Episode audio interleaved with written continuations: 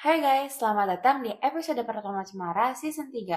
Bukan pohon cemara tapi cerita Misinar Satora. Harta yang paling berharga adalah keluarga. Istana yang paling indah adalah keluarga. Puisi yang paling bermakna adalah keluarga. Tiada tiada tara adalah keluarga. Wih, su- Suara siapa tuh? siapa tuh? Nah, sebelumnya kita kenalan dulu nih sama host yang baru. Kenalin, nama gue Jocelyn. Dan gue Angel. Hari ini kita akan menjadi host kalian untuk season baru podcast ini. Wah, nggak kerasa ya Cemara udah masuk season 3 aja. Tapi sebelum kita lanjut, coba kita recap dulu nih season 2 Cemara gimana? Kalian ingat gak sih host kita di season 2 ada Koniko dan Cintan? Seru banget gak sih kalau Seru banget dong. Tapi nggak lupa juga kita bakal lebih seru lagi di season kali ini. Lo ingat gak sih dulu guestnya siapa aja? Nah, dulu tuh season 2 guysnya dari Miss Dinar sama organisasi di Miss Dinar Satora dan juga di luar Miss Dinar Satora. Contohnya apa aja tuh? Nah, pertama ada pengurus itu da- ada Kathleen sama Lorda sendiri dari Miss Dinar kita. Ada juga organis- organisasi di luar dari orkestra sama OMK. Nah, kalau dari Miss Dinar luar, dari Santo Rafael, Santo Matias Rasul, Santo Filius. Kemarin di season 2 kita bahas topiknya apa aja ya? Nah, di season 2 tuh kita ngomongin perbandingan pengalaman dari Miss Dinar Satora dengan organisasi dan Dinar lain. Kalau gitu season 3 kita mau bahas apa? Jadi di season 3 ini kita bakal ngundang tamu alumni Miss Dinar. Nah topiknya itu bagaimana mereka bisa masuk Miss Dinar. Terus apakah Miss Dinar mempengaruhi kehidupan atau pekerjaan mereka sendiri. Oh gitu. Sebelum kita lanjut nih, gue mau pantun dulu. Baru beli sepeda baru. Cakep, Eh ternyata udah karatan. cakep. Cemara ada host baru nih. Masa nggak kenalan sih? Bener banget tuh. Yaudah deh gue kenalan dulu. Kenalin nama gue Angelika Andini. Tahun ini gue umur 14 tahun dan gue bersekolah di PK Puri. Fun fact tentang gue, gue kalau ngerjain fisika pasti gue nangis. Hebat. Oke. Nama gue Jocelyn Nicole. Umur gue sekarang 15 tahun. Gue sekolah di Santa Ursula, Jakarta Pusat. Fun fact gue sih, selama pandemi gue jadi sering banget belanja online gitu ya. Jadi agak bokek gitu ya sekarang. Kan kita udah kenalan nih. Pasti kita bukan berdua aja kan? Hari ini kita ditemenin tamu yang sangat spesial nih. Kira-kira siapa Jo? Nah, kira-kira siapa tuh tadi yang suaranya beru banget? Nah, tamu ini pasti udah gak asing nih bagi umat di Misdana Satora. Siapa lagi kalau bukan Romo Bondi. Halo. Mungkin untuk yang kurang kenal sama Romo Bondi bisa introduksi pendek aja tentang nama lengkap dan fun fact Romo Bondi. Oke, selamat. Apa kabar semuanya? Eh, kalau berdasarkan skrip yang dibagi ke saya, maka saya harus bicara dalam tanda kutip nama lengkap dan fun fact kutip tutup gitu ya. Cukup di situ kah gitu? Enggak ya, kayak gitu ya. Kayak gitu dong. Jadi nama lengkap saya adalah Albertus Bondika Widya Putra. Cuma teman-teman bisa memanggil Romo dengan nama Romo Bondi. Fun fact tentang saya. Walaupun nama saya Bondi dekat dengan James Bond, tapi saya tidak mirip James Bond ya teman-teman ya. Itu termasuk fun nggak ya efeknya? Fun banget. Fun banget loh. boleh. Nah, mungkin beberapa dari kalian belum tahu nih kalau Romo Bondi dulu tuh alumni Miss Dinar loh. Kalau boleh tahu, Romo waktu itu Miss Dinar di mana dan berapa lama ya? Romo dulu itu jadi Miss Dinar di parokinya Romo. Parokinya Romo di mana ya tahu nggak? Gimana Gimana nih? ya? Wah, kalau nggak tahu parokinya Romo, saya pecat jadi Miss Dinar loh. Waduh. Bogor nggak sih Romo? Iya, keuskupannya itu bukan di Keuskupan Agung Jakarta kebetulan, tapi di Keuskupan Bogor. Nah, parokinya itu namanya Santo Matias.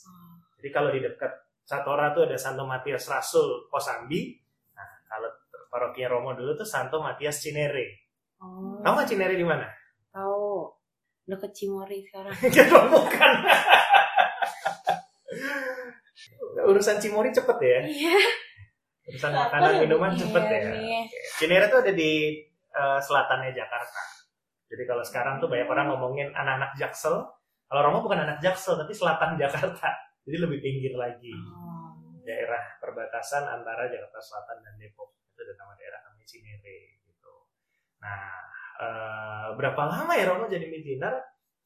Seingat Romo ya, Romo tuh kan komuni pertama kelas kelas 3. Soalnya seingat Romo, waktu belajar komuni pertama tuh dulu Romo belajar komuni pertama yang di paroki itu di sekolah. Hmm. Nah, belajar komuni pertama itu, komuni pertama juga di, bukan juga bukan di paroki Romo, tapi di gereja yang nyambung sama sekolahnya Romo. Dulu kan Romo SD di Bangun di Luhur. Oh iya, aku kasih. Nah, Luhur. Nah, komuni pertamanya tuh di gereja Santo Yohanes Penginjil Blok B. Kayak kelas 3 deh, bener deh. Nah, ya? Yang mana kelas 3. Kelas 3, terus kelas 4 jadi Miss Dinar. Kelas 4 jadi Miss Dinar, kelas 4, 5, 6, lanjut SMP 789. Nah, SMA-nya kebetulan kamu di luar kota. Maka kelas 10, 11, 12 sudah nggak jadi Miss Dinar lagi. Tapi kalau pulang, masih ikut eh, retret sama eh, jalan-jalannya. Berarti tiga tahun itu Romo benar-benar misinar. 6 dong. 6 ya. Oh iya, SMP ya? Pantas kalau ngerjain fisika nangis sih. Iya. 456, 789 ya. 6 Iya. tahun benar-benar Dinar, 3 tahun. Eh, yang ngajarinnya ikut stres juga sih. iya sih. Oke, gitu. Nah, kenapa awalnya Romo mau jadi misinar?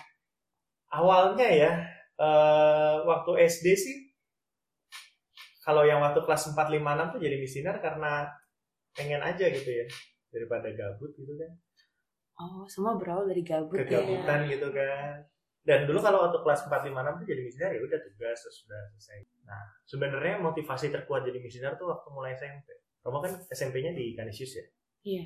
Canisius tuh kan kalau teman-teman tahu sekolahnya cowok semua Hmm. Romo berpikir kalau hidup Romo diisi laki-laki semua, maka ada yang kurang lengkap gitu kan. Iya.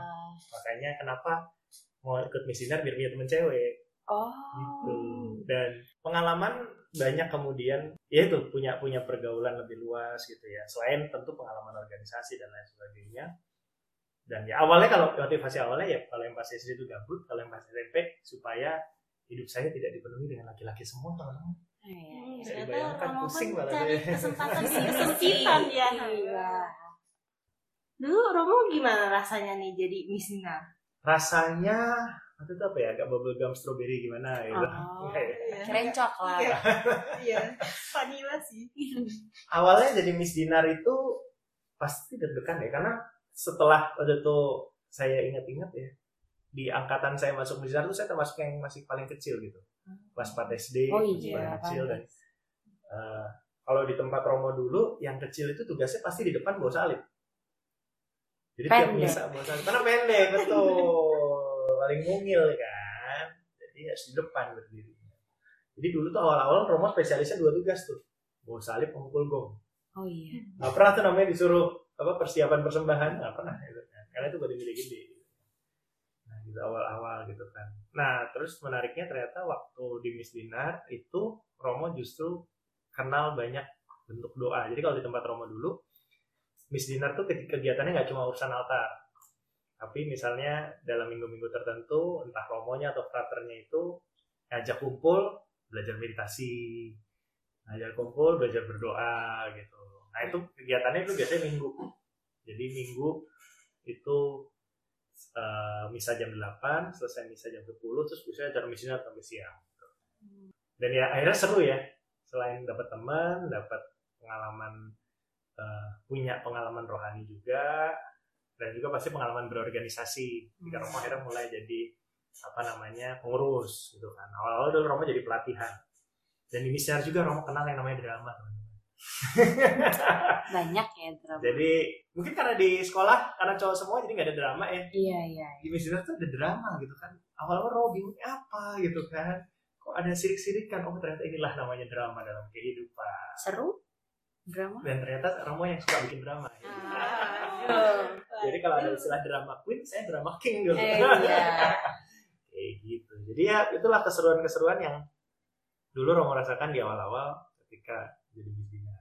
Eh, kan sekarang Romo tuh Romo di paroki Santo Thomas Rasul nih. Romo bisa ngelihat kegiatan-kegiatan misioner Satora yang sekarang. Menurut Romo ada perbedaan yang dilihat atau dirasakan dari misioner zamannya Romo sama yang sekarang nggak? Hmm. Bedanya adalah saya udah bukan misioner lagi sekarang gitu kan.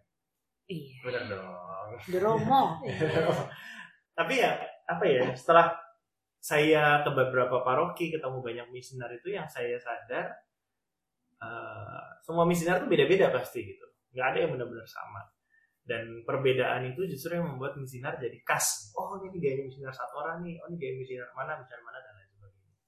Kayak dulu Romo ingat waktu zaman Romo masih frater dan tugas di sini.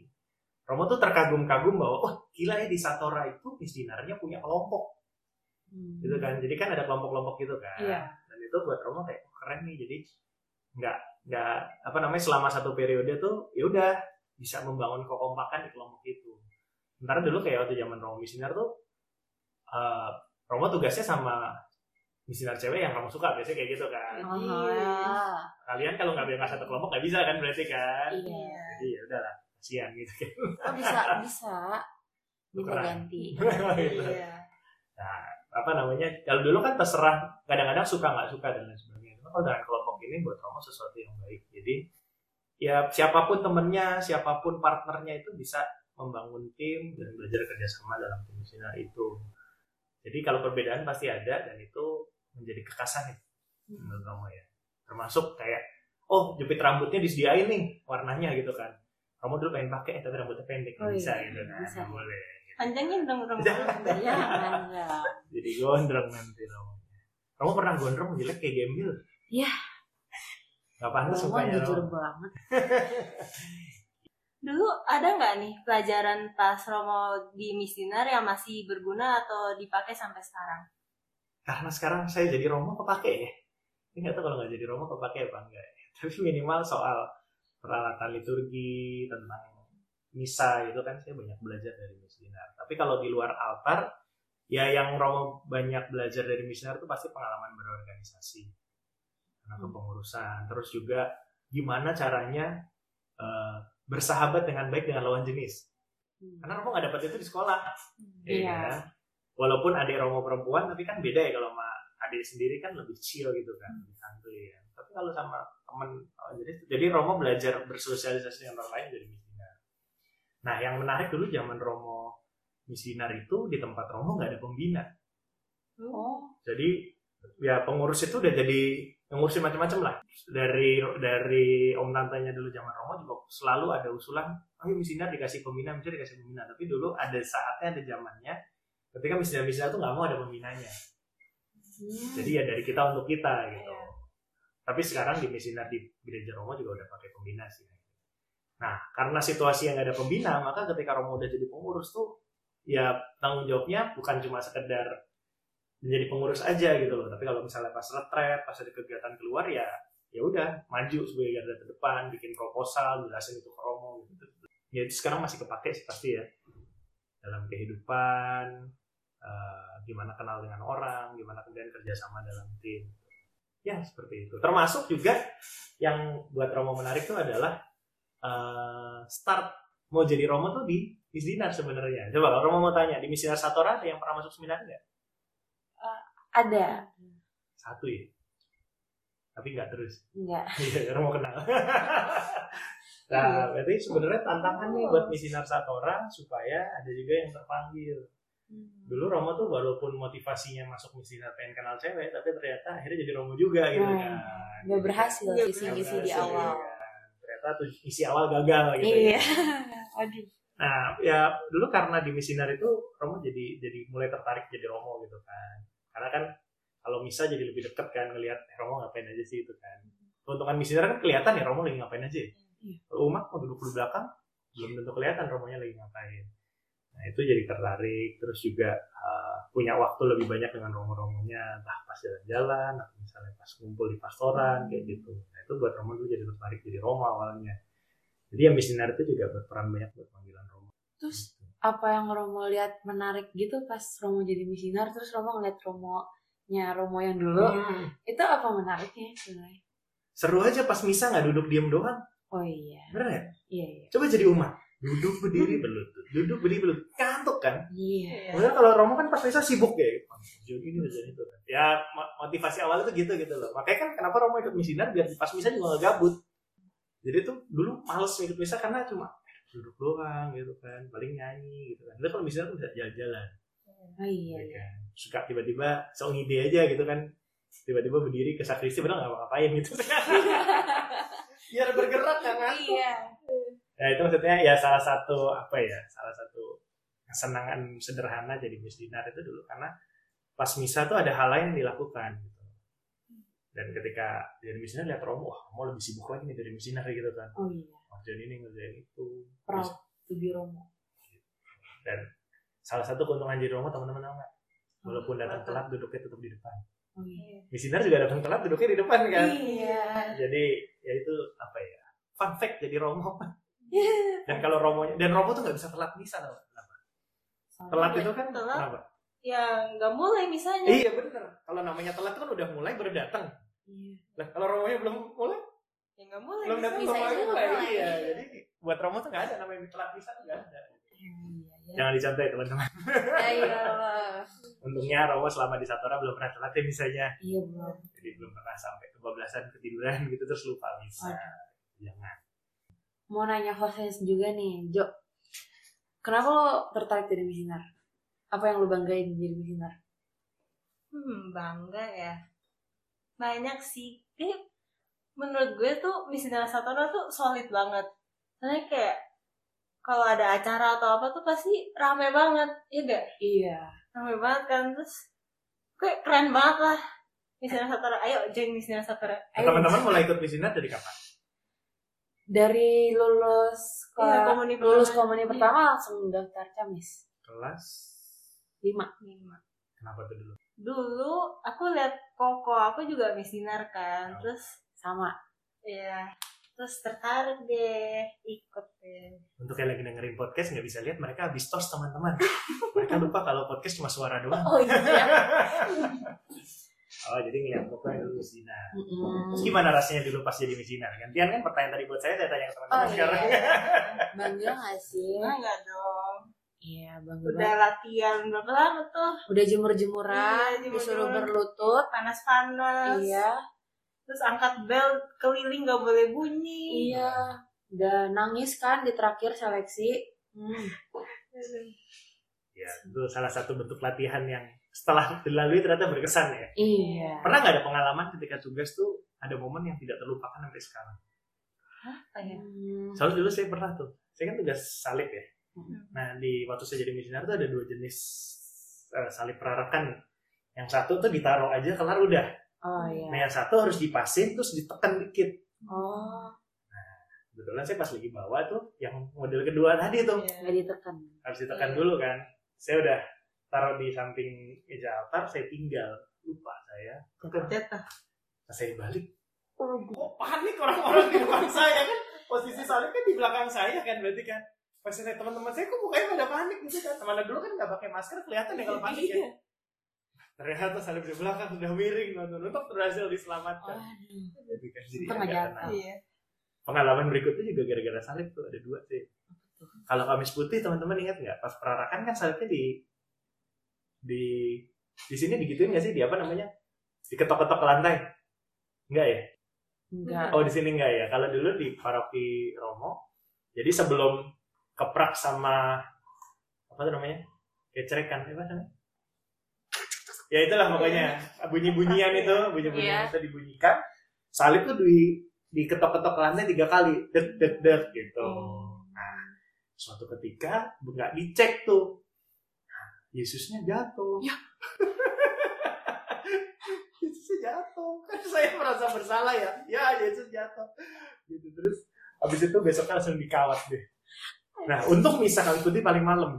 Oh. Jadi habis itu udah gak ada misa lagi. Iya, iya. Dan besoknya pas Jumat Agung kan ibadah Jumat Agung ditutup ya. Iya. Pakai kain. Jadi aman. gitu Aman. kan. Aman. Yesusnya jatuh. Aduh, saya deg-degan. itu Iya. pengalaman yang cukup berkesan ketika jadi misioner. Atau teman-teman punya nggak? Iya nggak ya? Aku lebih ke keseringan aja kalau lagi misalnya di depan. Tau gak apa? Tidur lah. Pasti nggak dengerin khotbah romonya.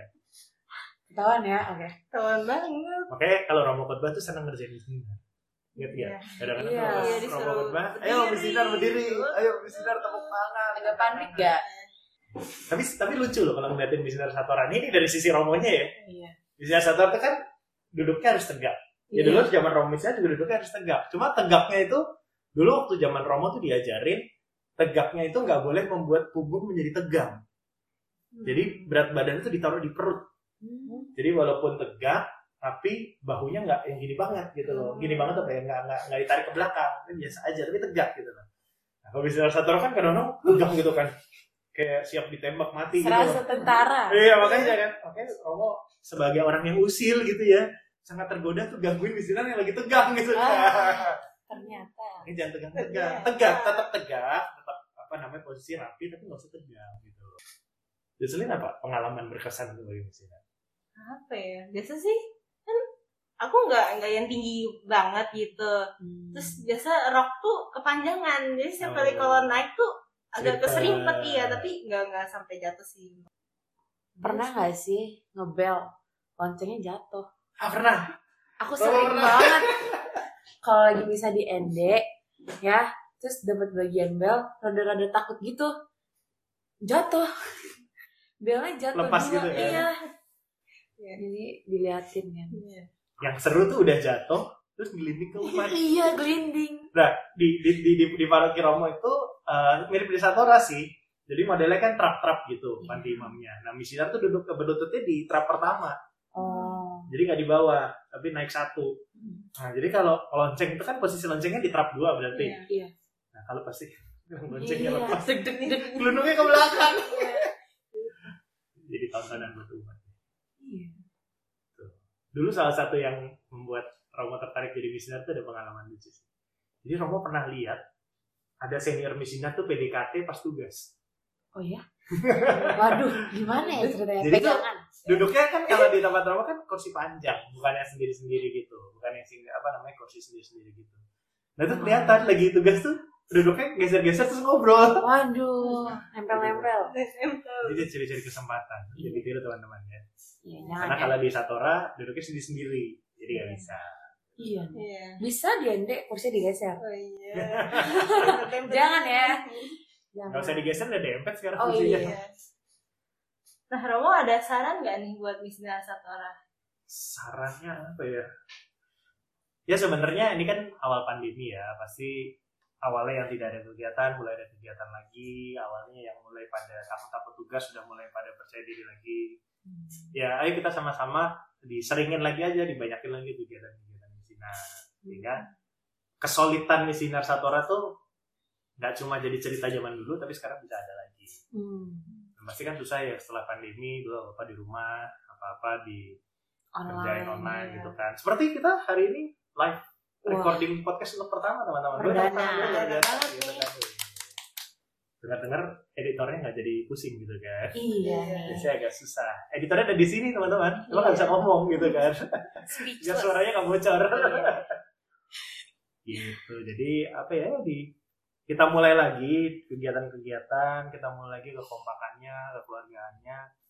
Harapannya tuh nggak tahu ya. Roma tuh punya cita-cita anak-anak misinar merasa misinar tuh jadi keluarga baru gitu. Keluarga baru di mana kalau tadi kan cemara tapi bukan pohon. Apa? Cerita misinar Satora. Iya. Terus Romo nyanyi lagu apa? Keluarga Keluarga Cemara. Cemara. keluarga Cemara. Maka Cemara yang menjadi keluarga. Cerita Misinar Satora yang menjadi keluarga. Eh, Luar biasa ya. Wede. Nah, gitu. Jadi benar-benar karena dulu Romo merasakan itu. Bahwa kalau misalnya urusan misinar tuh kenapa Romo semangat karena udah kayak keluarga sendiri gitu. hmm. Ya, terlepas dari unsur PDKT di balik itu ya teman-teman Iya. ya. Tapi itu merasa keluarga sendiri. Dulu rumah Romo sangat sering dipakai untuk misalnya kumpul tahun baruan. Oh. jadi kumpul di rumah Romo kita berberkiwan kita pasang kembang api gitu kan sampai inap baru besoknya pada pulang eh nggak pulang besoknya pagi-pagi ke gereja tugas Oh iya. nah gitu itu yang dulu tempat tempat rumah rumah Romo jadi base camp gitu kan jadi pengalaman-pengalaman sebagai keluarga itu yang buat Romo sesuatu yang berkesan juga dari Bisdina bahkan geng misinar Romo geng. bukan geng tapi seangkatan yang seangkatan yang masih aktif sampai pengurus gitu Uh-uh. masih ada grupnya sekarang Dan kita masih Masih deket. Ya, dekat sih udah gak dekat banget ya karena udah pasti sibuk dengan pekerjaan masing-masing ya. Iya. Tapi kita setahun sekali, tahun dua kali masih suka kumpul. Teman-teman yang belum aktif, boleh dong ikut acara Miss Dinar ya nggak? Iya nih. Kan acara musim banget nih, nggak ada yang ikut. Coba acaranya apa? Emang ada acara apa aja sih? Mungkin teman-teman bukan nggak ikut acaranya atau ada acaranya loh. Iya. Kemarin kita 17-an, lumayan banyak yang Iya. ikut. Main di Ede ya? Perdana loh itu acara offline pertama. Eh teman-teman datang ke acara Misinar Satora. Ya, sebelum kita closing, mungkin ada kata-kata terakhir yang mau disampaikan sama Bundi. Wah, kenapa kalian mendoakan saya mengatakan kata-kata terakhir? Gak gitu deh Nggak, maksudnya. bukan gitu Siapa yang sih. buat skripnya ini? Siapa ya? Siapa tuh? Tim PA? Iya. Bukan kata-kata terakhir ya, karena saya masih ketemu teman-teman ya. Oh iya. ya. Kata-kata sebelum menutup. Ya, oke. Nggak ada sih sebenarnya. Ya, nggak seru. ya? Nggak nggak seru. Hmm, ya apa ya? Misinar tuh kesempatan yang baik buat belajar. Kalau saya saya berani bilang bahwa Robo Bondi yang sekarang nggak bisa menjadi seperti ini kalau dulu nggak pernah jadi misinar. Dan apa namanya misinar tuh adalah step pertama kita jadi umat dan berkegiatan di gereja, benar ya? Kayak waktu Iya. Binaiman kan juga ya paling nyanyi gitu kan Iya. sebelum berkat gitu. Karena misalnya itu pertama kali kita datang ke gereja dan kita benar-benar ambil bagian nih Iya. dalam kegiatan Ber- baik itu Berperan Iya. aktif. berperan aktif baik itu dalam liturgi pas misalnya ataupun dalam kegiatan-kegiatan lain gitu. kan. Hmm. Jadi untuk teman-teman semua yang mungkin belum ikut misinar atau kalau teman-teman tahu ada temennya yang belum ikut misinar, coba diajak ikut misinar. Join. Join. Klik link di bawah. Iya. Ini sudah tutup Oh tapi. iya, tahun Tahun depan. depan. Kan, benar. Dan nggak ada hampir nggak ada ruginya ikut misinar ya, ya. Mungkin awal-awal penyesuaian itu wajar lah, kan kenal teman baru, kenal baru. Tapi nanti kalau udah nyaman pasti teman-teman kangen sih. Yeay. Gitu teman-teman. Terima kasih untuk Romo Bondi yang udah meluangkan waktunya dan berbagi cerita dengan kami. Terima kasih juga yang udah dengerin podcast ini dari awal hingga akhir. Pastinya kita akan bertemu lagi di episode selanjutnya Cemara. Cerita, Cerita Misinar Satora. Sampai jumpa. Bye. Dadah.